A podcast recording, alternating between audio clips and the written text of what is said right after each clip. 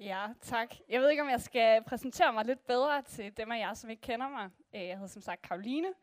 Jeg er 23 år gammel og har været med her i øh, Vineyard næsten siden det startede. Øhm, ja, det, det er faktisk godt og vel to år siden, jeg startede netværksgruppe øh, i Aarhus Vineyard, og øh, det har været fuldstændig altså, fremragende at være med fra start af, og jeg har bare elsket hvert minut af det. Øhm, så læser jeg teologi. I behøver sikkert falde i søvn allerede nu. Jeg har fået en til at læse det igennem for teologer, øhm, så, så hæng i. Øh, det, skal nok, det skal nok give mening.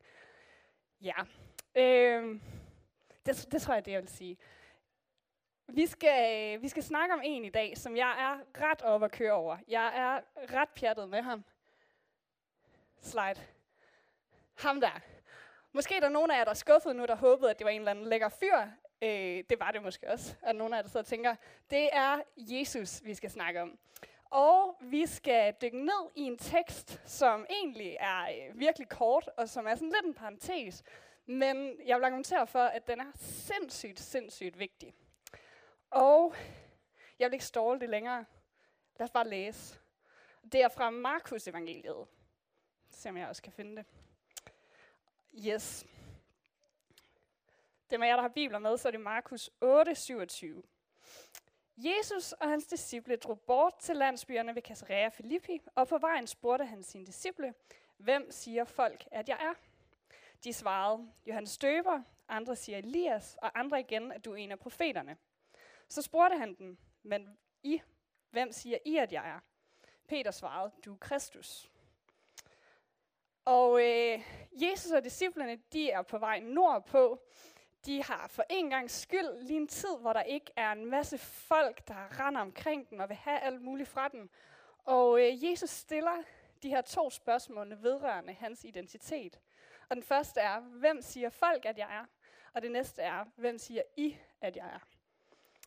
Og øh, det handler næppe om, at Jesus han sådan er kommet i tvivl om, hvem er lige jeg er, og har sådan brug for omverdenen og disciplernes bekræftelse, for sådan at minde ham om, sådan, Åh, hvad var det nu lige, jeg kom for? Altså det er jo ikke sådan en midtvejskrise, han har, hvor han sådan i kampens hede bare lige forsvinder for sig selv. Og det er heller ikke, fordi han giver disciplene lov til at definere, hvem er det, I gerne vil, at jeg skal være. Jeg kan ikke lige sige, hvad der er godt ved mig, og så kan jeg prøve lige at fremælske det noget mere. Det er ikke et spørgsmål, hvor han har tænkt, at det kommer til at ændre ham. Men jeg tror, det har et helt andet formål med det, han siger. Fordi jeg tror, han har lyst til at ændre disciplene. Og jeg tror også, det er det, han har lyst til at ændre i os. Fordi Jesus han har godt været klar over, at der er en masse fortællinger om, hvem han er. Der er en masse tolkninger af den her Jesus fra Nazareth.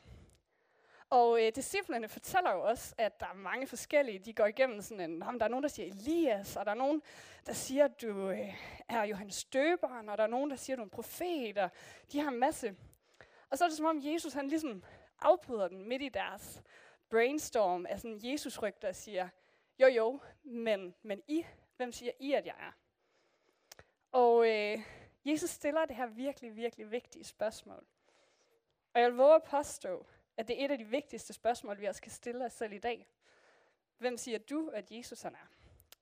Og øh, det er også det, der bliver temaet for talen her, hvis, øh, hvis I ikke havde regnet den ud. Fordi hvordan vi besvarer det her spørgsmål, både i vores ord og vores bekendelse, men også i vores liv øh, og vores handling, det kommer til at forme os helt vildt meget. Så prøv lige at tænke over det. Hvem siger du, Jesus er? Hvis han stod her og spurgte dig, hvem siger du, jeg er? Hvad vil du så svare? Ikke, hvem siger dine forældre, at Jesus han er? Eller din ægtefælle, din bedste ven, din yndlingsfodboldspiller, eller din yndlingssanger, whatever. Ikke din præst eller din kirke. Det handler ikke om, hvad du ville svare, hvis du hed Valsø til efternavn. Det handler om, hvem du siger, at han er. Og tag eventuelt og kig på dit liv og stil dig selv spørgsmålet igen. Kig på din kalender, din konto, dine relationer, de bønder, du beder eller ikke beder. Hvad siger de om dit billede af Jesus? Den her tekst, den begyndte at rumstere i mig for godt et år siden, hvor jeg var ved at forberede en, øh, en teenage-lejr. Og øh, den ramte mig sådan lidt som et lyn fra en klar himmel.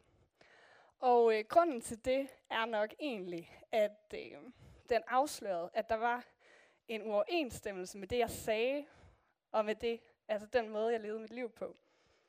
Fordi jeg kender godt alle svarene. Jeg kan svare på både græsk og hebraisk, for det ikke skal være løgn. Øh, Jesus, han er opfyldelsen af Gamle Testamente. Han er sand Gud, han er sand menneske. Han er frelser, han er ven. Jeg kan dem godt. Og jeg er, jeg var egentlig ikke i tvivl om, at han var den, han sagde, han var.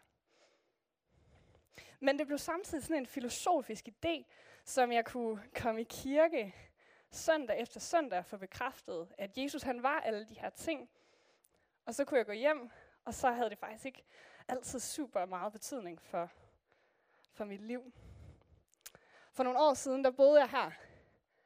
Lige præcis. Yes. Verbier, nede i det sydlige Schweiz. Og øh, den primære måde at komme herop på, det er sådan en skilift. Så det var super afsides. Og øh, jeg arbejdede for en familie og passede nogle børn over en længere periode. Og øh, ja, det blev på mange måder virkelig en, øh, en meget spændende tid i mit liv. Øh, byen den lever primært under skisæsonen, og så strømmer det til med rige russere og rige englænder og det danske kronprinsepar. Og, altså, det er virkelig en by med gang i. Men til april, der lukkede den fuldstændig ned. Og øh, det var så der, jeg sad i april, øh, uden rigtig noget at lave, udover at passe de her børn. Øh, der var ingen unge mennesker, der var ingen kirke, der var virkelig ingenting at lave. Så når jeg havde fri, så satte jeg mig på sådan en bænk, der var nede bag ved byens bibliotek.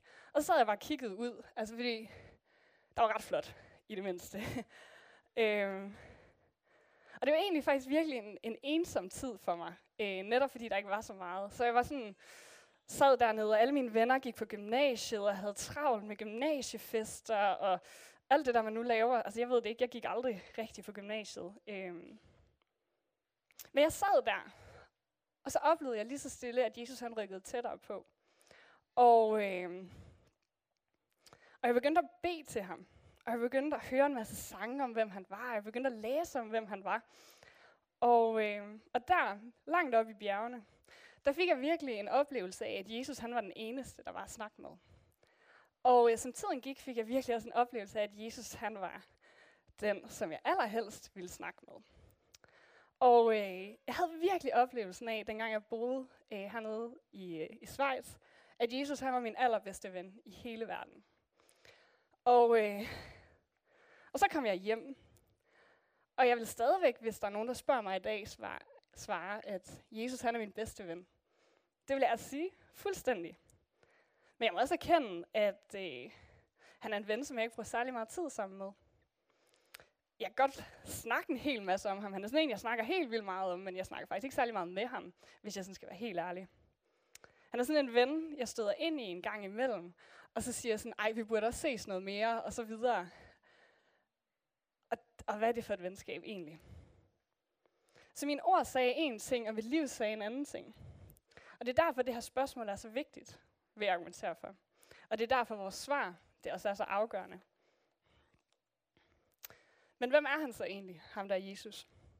Der er mange fortællinger derude om, hvem Jesus han var. Han var en god lærer, han var et forbillede i kærlighed, han var en galning, han var desillusioneret, han var endnu en af de her profeter. Og så nogen, der siger, at han er Gud, og han er frelser. Og vi kan sætte en masse forskellige prædikater på ham, som afspejler, hvordan det er, vi gerne vil forstå den her mand, den her Jesus, som var nede rundt nede i Nazareth og nede i Israel for 2000 år siden. Og de ord, vi vælger, de er ikke ligegyldige. Selvom vi måske kan synes, at de er det. Vores svar, de er afslørende, og de er virkelig afgørende. Og jeg tror, der ligger en invitation til, til os i dag, om at lære ham bedre at kende. Lige meget om du har kendt ham længe, eller lige er begyndt. Det kan også være, at du slet ikke tænker, øh, at du kender ham. Men invitationen er, kom og se for dig selv, kom og lær mig at kende, og så kan du prøve at svare på det her spørgsmål, eller i hvert fald tænke over det, reflektere over det. Fordi Jesus han er det menneske, der har haft allerstørst betydning for verdenshistorien. Om vi kan lide det eller ej.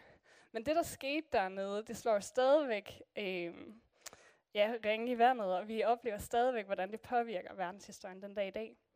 Så vi er nødt til at forholde os til ham og respondere på det, han siger. Vi kan ikke bare ignorere ham. Og var han blot en god lærer, sådan det her forbillede kærlighed, så, øh, så kan vi godt forsøge at efterligne ham i vores hverdag. Så kan vi godt sige, at han sagde alle de her gode ting, og vi skulle vende den anden kendt til, og vi skulle tale pænt og alt det her. Og så kan vi gøre det. Men så vil han aldrig rigtig blive kilden til helbredelse, eller til nyt og evigt liv. Han vil ikke være kilden til Guds overnaturlige indgriben her i vores hverdag, som er noget af det, som der vi læser om i Bibelen, og som det han lover i Bibelen. Så er hans proklamation af, at Guds rige det virkelig er nær, det, det er rimelig tomt. Var han den her desillusionerede galning, som en af de her mange messias-skikkelser, som trådte frem i Israel på det her tidspunkt og sagde, jeg er den, I venter på. Men ikke rigtig var det. Så, øh, så er der måske ikke grund til at tage hans lærer særlig seriøst. Var han virkelig Gud? Den Gud, som skaber universet i menneskeskikkelse her hos os.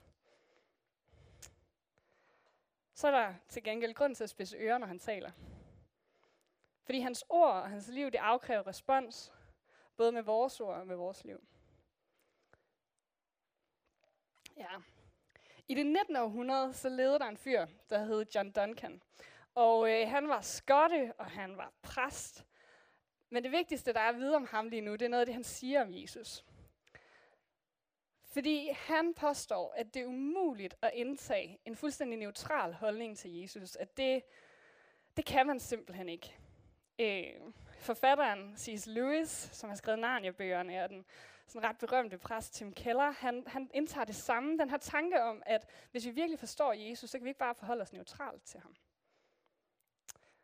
Det kan ellers være virkelig, virkelig fristende at gøre. Og forsøge at få sådan en Jesus, der er sådan let og ufarlig for vores verdensbillede.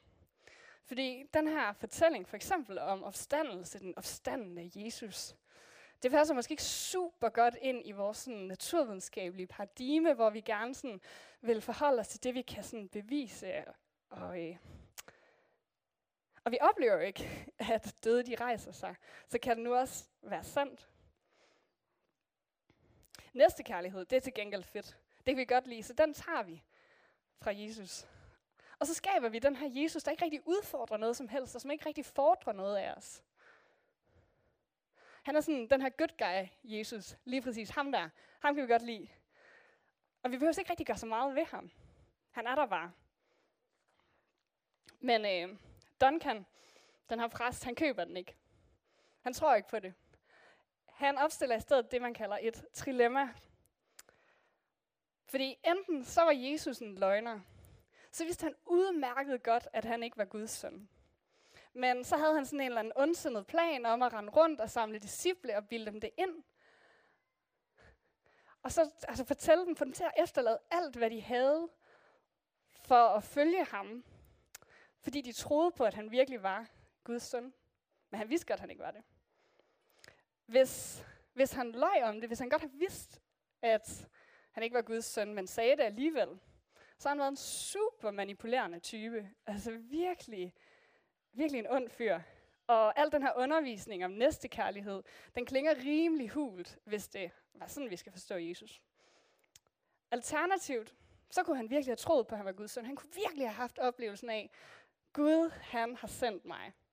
Uden at der har været altså skyggen af guddommelighed i ham. Og så har han rendt rundt og sagt, følg mig, kom og vær min disciple. I den tro, at, at han jo havde noget at give den. Han havde en masse at lære den. Men han havde ikke rigtig mulighed for at manifestere det her gudsrige, som han prædikede, fordi han var bare et menneske. Så havde han været fuldstændig gal. Altså, så han måske heller ikke værd at give alt op efter, for at følge efter, hvis han jo bare har været gal, hvis han bare har været skør. Sidste mulighed, som Duncan han opstiller, det er, at Jesus han virkelig var den, han sagde, han var så er han virkelig Guds søn, som kom her til jorden, døde en død på korset for at genoprette den faldende verden og opstå igen til en evig sejr over død og over ondskab, så er han virkelig kilden til nyt liv, til helbredelse, til genoprettelse af det brudte, som han lovede, han ville være. Så der er altså de her tre mulige, altså mulige måder at forholde sig til Jesus på, ifølge den her præst. Der er ikke nogen neutral måde, der er ikke noget midt imellem. Fordi Jesu ord og gerninger, som er gengivet i Bibelen, som er gengivet i de bibelske fortællinger om ham, de er så radikale, at det kræver seriøs respons. Og øh, det at afvise Jesus, fordi han var ond eller gal, det er seriøs respons. Så man taget ham, forholdt sig til ham og sagt, jeg tror ikke på det. Og det er okay. At sige ja til hans følg mig, og derefter starte en vandring, hvor man prøver at orientere sit liv ud fra noget af det, han sagde og det, han gjorde. Det er også seriøs respons. Men at sige, Jesus, nice fyr, god undervisning, fine tanker, det er ikke at tage ham seriøst. Og det er ikke muligt, hvis vi forstår, hvor radikalt det, han siger, det er. Fordi Bibelens gengivelse af ham, den tal, altså, der taler han langt mere om Guds rigs virkelighed her og nu, om radikal efterfølgelse, om synd og om tilgivelse, om liv og død, end han taler om næstekærlighed, og han taler om, at vi skal behandle hinanden godt. Han udnævner sig selv til den eneste vej til frelsen. Han udnævner sig selv til den eneste vej til Gud.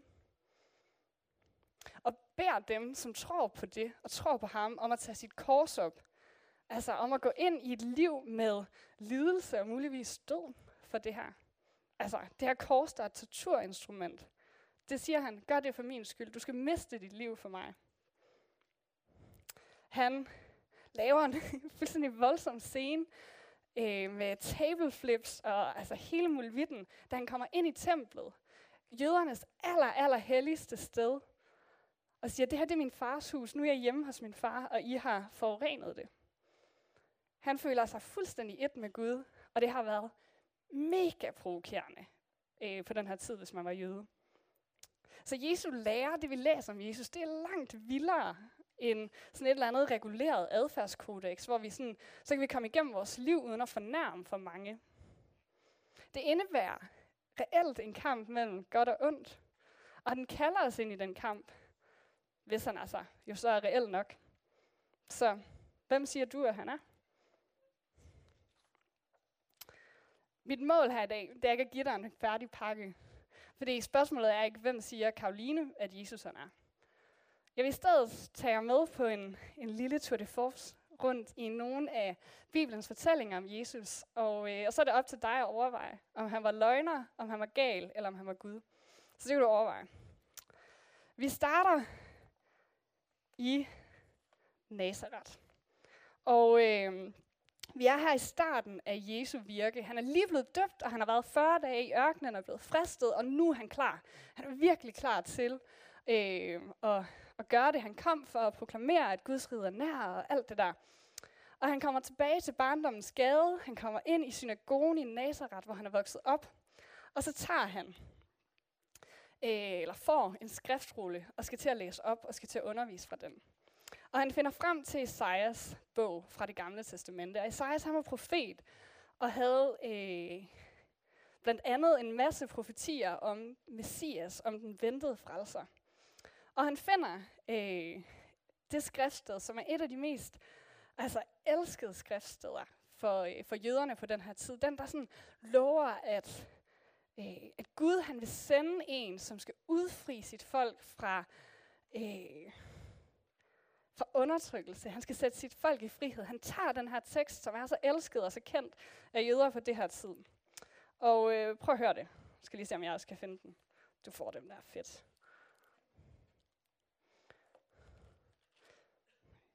Yes. Han siger, eller læser op fra den her tekst. Herrens ånd er over mig, fordi han har salvet mig. Han har sendt mig for at bringe godt budskab til fattige og udråbe frigivelse for fanger og syn til blinde. For at sætte undertrykte i frihed og udråbe et nådesår fra Herren. Det er virkelig et smukt løfte, som Esajas giver her. Om frihed og om fred. Og jeg kan godt forstå, at jøderne på den her tid, de har længtes efter, at den her frelser skulle komme og sætte dem fri. Og det er også derfor, Jesus han så bliver så provokerende. Fordi han siger, efter han har læst det her op, at det her ord, det allerede er opfyldt. Det er opfyldt i mig. Så han sætter sig selv lige med Guds salvede, og siger, at det netop er ham, der er sendt for at sætte fanger fri, og for at øh, give syn til blinde, og alt det, vi har læst om. Og det er sådan, altså det er virkelig next level flabet at sætte lighedstegn mellem sig selv og så Gammeltestamentets frelsesprofetier.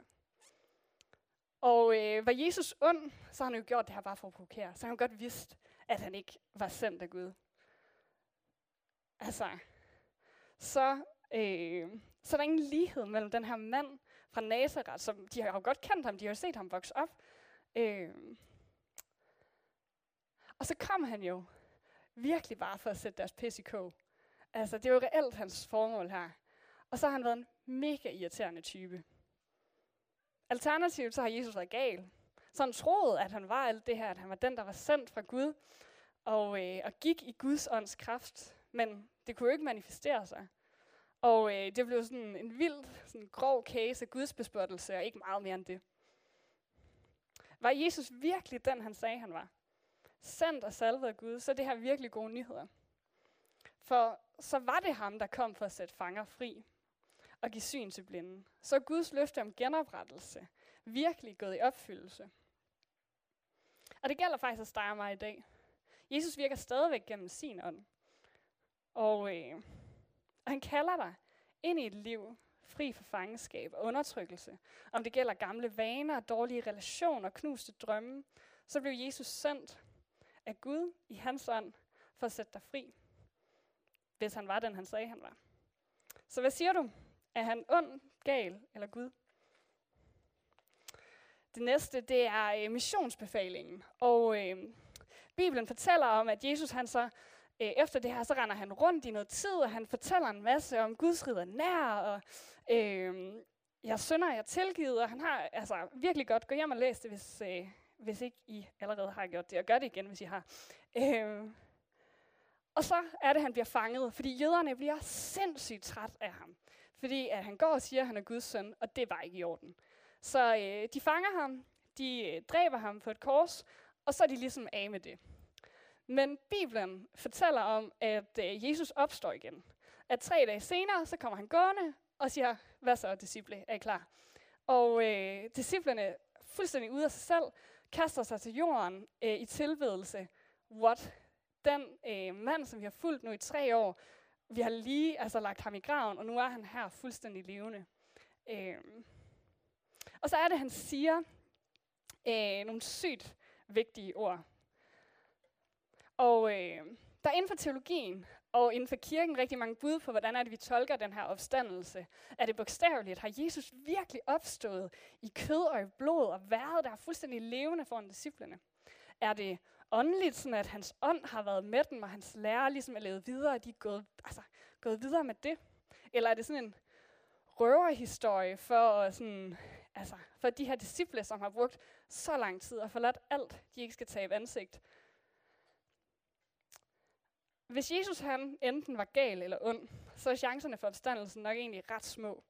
Fordi så har han jo virkelig altså bare været menneske, ligesom du og jeg, uden egentlig guddommelig kraft. Og øh, så var opstandelsen, som vi læser om her i øh, Matteus evangeliet, den har nok egentlig bare været en bortforklaring, eller en røverhistorie. Og den har nok egentlig ikke haft så altså, større betydning end som så. Og øh, disciplerne, de har kunne tage hjem til deres familier, deres fiskebåde, ligesom fortsætte, hvor de slap. Var han derimod den, han sagde, han var, og den, som Matthæus øh, beretter om i sin historie, så er han Guds søn, og så må opstandelsen være virkelig. Fordi han har jo haft Guds kraft, og så, øh, så kan sådan nogle ting også godt ske. Og hvis det er sandt, så er det her også virkelig, virkelig gode nyheder. Fordi Bibelen fortæller om, at han lover at dele med os. Og det betyder, at noget af det, som vi kender som allermest sikkert, allermest definitivt, det er overhovedet ikke en udfordring for Jesus. Så det her store, tunge punktum, vi gerne vil sætte efter vores liv, når vi dør, det er bare et komma. Fordi hvis det her det er sandt, så kan vi tro på, og vi kan håbe på, at vi en dag skal ses igen, fordi det er det, Jesus han lover os. Og det han så også siger i forlængelse af, øh, af det her, det er også virkelig stærkt. Han siger, frygt ikke.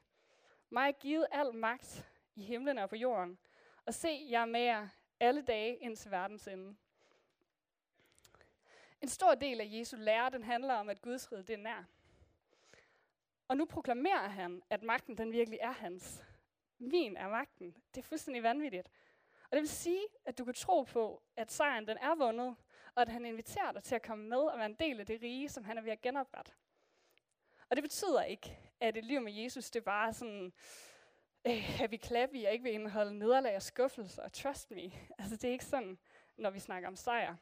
Fordi Jesus han er ikke sådan en velsignelsesautomat, som vi kan komme til at trække, at hvis bare vi siger det rigtige og besvarer det her spørgsmål rigtigt, at så, så får vi det, vi ønsker os.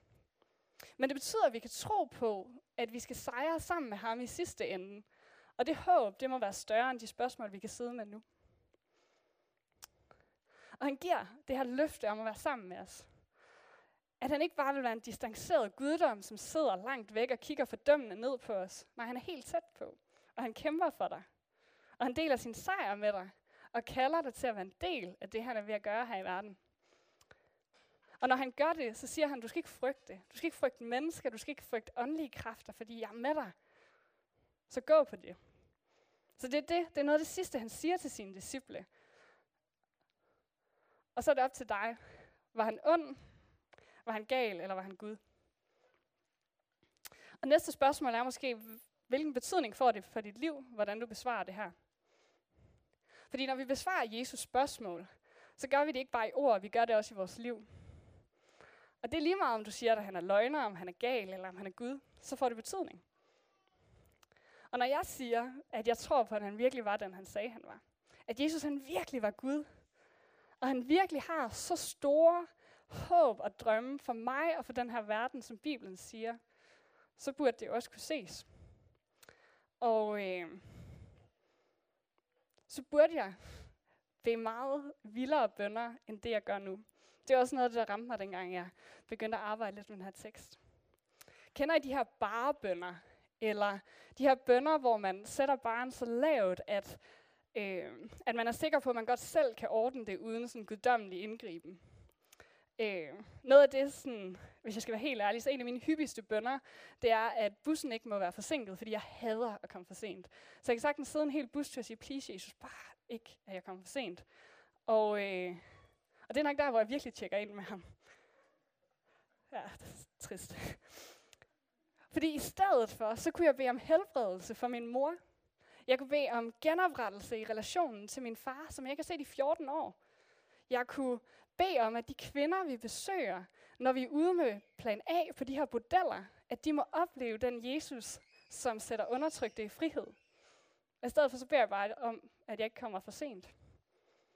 Så når jeg siger, at han virkelig er den, som han siger, han er, så burde det også kunne ses, blandt andet i de bønder, jeg beder. Jesus han var vildt radikal.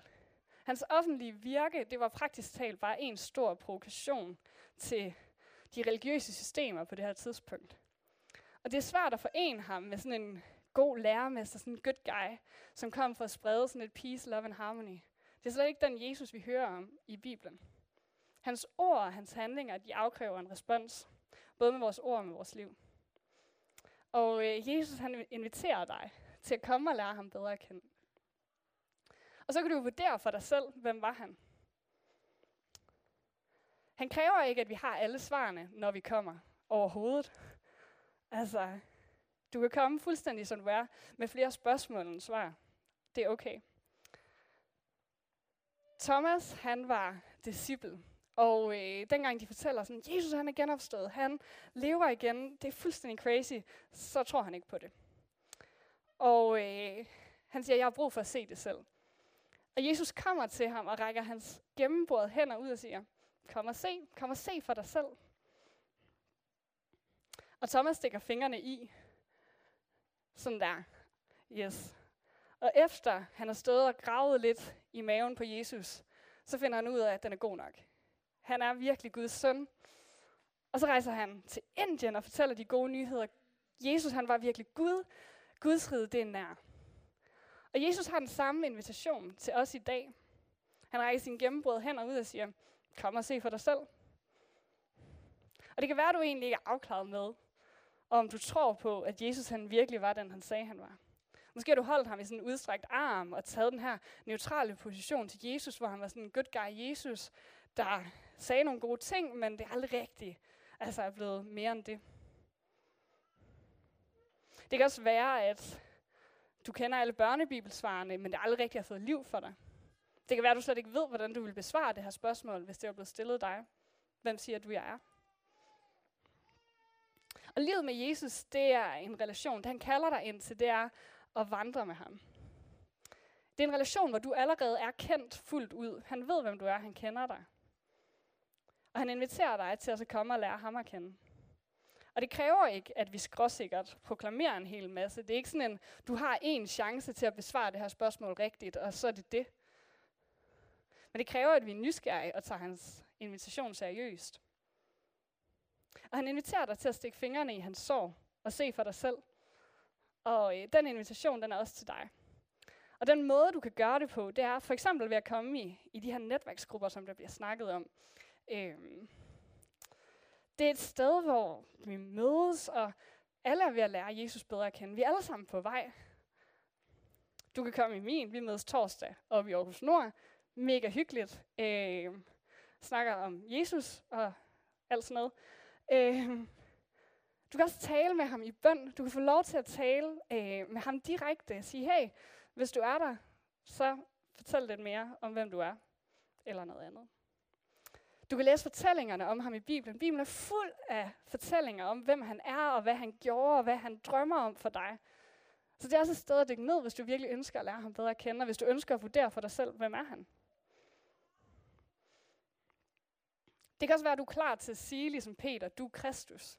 Du er virkelig den, du sagde, du er. Så går I tro på, at ham, der kommer og sagde, jeg er opstandelsen af livet, at han vil dig, og at han går med dig. Og han virker sin magt i og igennem dig. Og lad det blive til liv. Fordi Jesus, han er ikke bare en fin idé. Han er alt for vild og radikal til at være det. Han er Gud, der er i gang med at forandre den her verden, og han inviterer dig til at være med. Og det er lige der, hvor du er. Lige sådan, som du er. Og hvis du tror det, så må det også skabe frimodighed til at gå ud. Det må skabe frimodighed til at bede modige bønder og tro på, at det, der er ondt og brudt og dødt i os og i verden, at det ikke får det sidste ord. Så invitationen er åben. Hvem siger du, han er? Og, øh, og det er det spørgsmål, jeg har til dig i dag. Hvem siger du, at han er? Og kom og mærk for dig selv. Tag imod invitationen, som han har til dig. Det er nok det bedste, du overhovedet kan gøre.